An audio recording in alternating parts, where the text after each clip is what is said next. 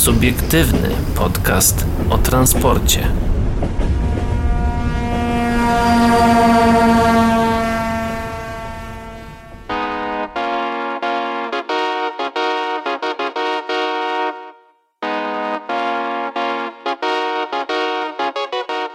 Znajdujemy się przed stoiskiem Thalesa na targach Kraków 2021. Paweł Przyżycki, dyrektor zarządzający części transportowej Thales. Czym zajmuje się Thales y, głównie na rynku polskim? Głównym obszarem działalności naszym w Polsce jest oczywiście modernizacja systemów transportowych, a specjalizujemy się w systemach sygnalizacji kolejowej, czymś co się nazywa sterowanie ruchem kolejowym.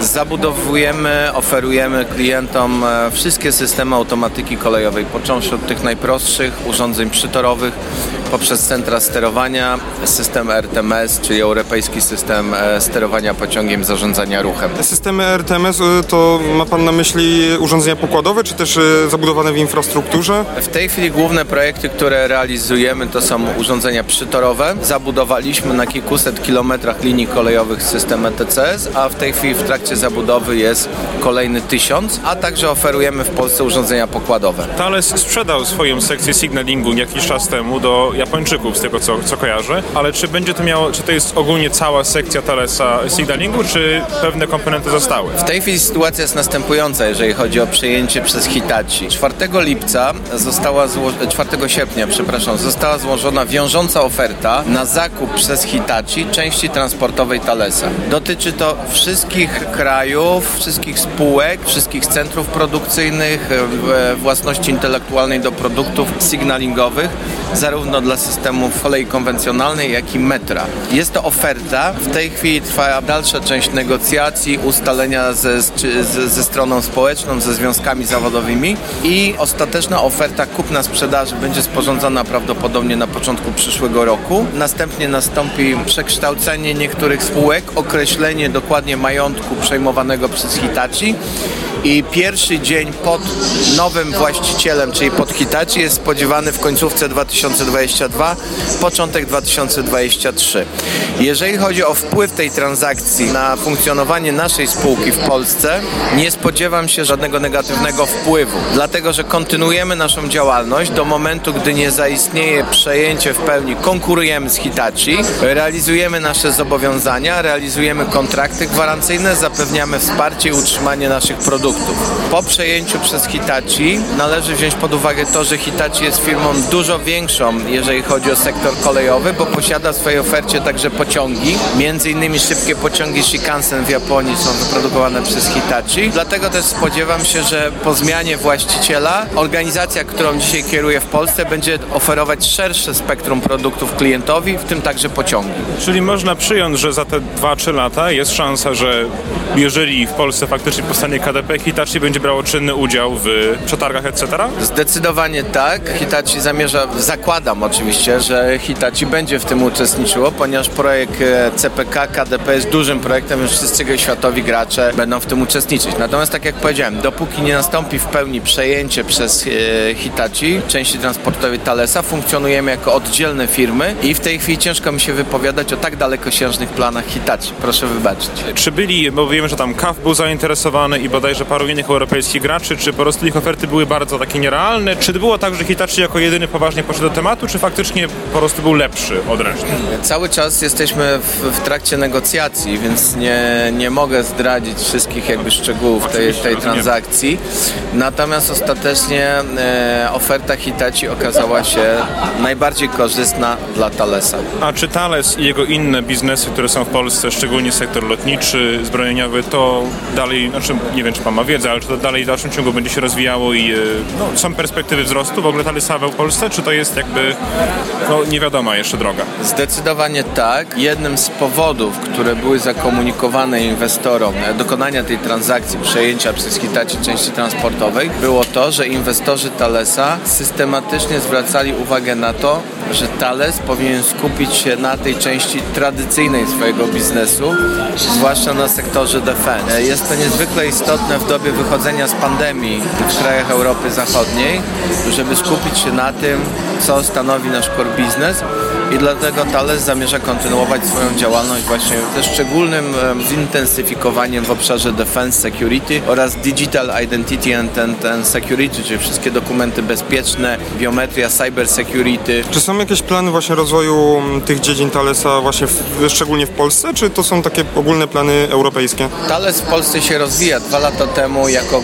koncern, grupa kapitałowa przejęliśmy fabrykę dokumentów bezpiecznych w Tczewie, która dzisiaj jest częścią struktur koncernu Thales. E, Także oferujemy nasze, na, nasze produkty, nasze systemy dla systemów bankowych, dla wojska. Na wiosnę tego roku podpisaliśmy duży kontrakt wojskowy na symulatory pola walki dla e, polskich sił zbrojnych. Czy sektor Thales Space ma jakieś szanse w Polsce, czy jeszcze jakby kosmonautyka nad Wisłą nie jest aż tak rozwinięta? Sektor Space jest obsługiwany w strukturach Thalesa przez oddzielną spółkę, która jest joint venture między Thalesem a, Thalesem a Alenią, Thales Alenia Space i w tej chwili Thales Alenia Space Polska uczestniczy w programach kosmicznych realizowanych przez różne agendy polskiej administracji. Czyli jest, jest jednak jest ten Thales Space jakoś w Polsce czynny, tak? Mamy pewne perspektywy, chociaż jakieś kosmonautyki w naszym kraju. Ja uważam, że Polska jako duży kraj o dużym terenie i obszarze geograficznym konsekwencje dąży do tego, żeby posiadać własną bazę satelitów, em, niezależnie od tego, co to, będzie, co to znaczy i co to oznacza. I Thales Alenia Space jak najbardziej w tym programie uczestniczy. Niemniej jednak nie jest to obszar mojej działalności, więc nie chciałbym się wypowiadać. Wracając do tematów kolejowych, tutaj już taka bardziej pańska prywatna opinia. Jak pan uważa, czy na przykład w Polsce jest sens instalować systemy ETCS, te najprostsze, Limited Supervision, na przykład na takich liniach lokalnych, po prostu regionalnych? Czy to ma w ogóle sens i jakąś opłacalność? Tutaj dwa obszary pan poruszył niezwykle istotne. Pierwszy obszar to jest takie wdrożenie systemu ETCS, żeby spełnić wymagania Unii Europejskiej, że wszędzie, gdzie modernizujemy linie kolejowe, powinniśmy budować system ETCS, niezależnie od tego, jaki to będzie poziom. Natomiast drugim jakby aspektem niezwykle istotnym jest to, że proszę pamiętać, że dzisiaj stosowane w Polsce te tradycyjne urządzenia i systemy bezpiecznej kontroli jazdy pociągu, czyli ten e, nasz mówiąc wprost system SHP, samoczynnego hamowania pociągu, jest systemem niezwykle prostym. On w zasadzie sprawdza tylko czujność maszynisty, natomiast w żaden sposób nie kontroluje jego zachowania. E, I w tej chwili, by, żeby podnieść bezpieczeństwo ruchu kolejowego, musimy dokonać jakby unowocześnienia tego systemu, wzbogacając go inne funkcje. Także kontrola jazdy, kontrola prędkości i wydaje się, że w ten sposób jedynym rozwiązaniem, który byłby zgodny ze standardami, z pewną polityką Unii Europejskiej, jest system ETCS Limited Supervision, który jest jakby uproszczoną wersją e, systemu ETCS poziom pierwszy, niemniej jednak nadal spełniającą, e, spełniającego wyzwania e, stojące przed zagadnieniem podniesienia bezpieczeństwa ruchu kolejowego. Czy uważa pan, że zabudowywanie na starych pojazdach systemów ETCS też ma sens, czy nie lepiej skupić się po prostu na projektowaniu nowych pojazdów, które będą wyposażone w ten system już po prostu i to, co już ma swoje lata, zostawić tak, jak jest? Obie strategie, jeżeli chodzi o wyposażanie pojazdów w urządzenia pokładowe, czyli wszystkie nowe pojazdy bezwzględnie powinny być wyposażane, natomiast w przypadku starych jak najbardziej jest sens instalować te pojazdy, niemniej jednak powinniśmy stworzyć spójny system, który będzie stanowił zachętę dla przewoźników do inwestowania własnych środków, e, mimo tam jakiejś pomocy także przewidzianej ze strony Unii Europejskiej.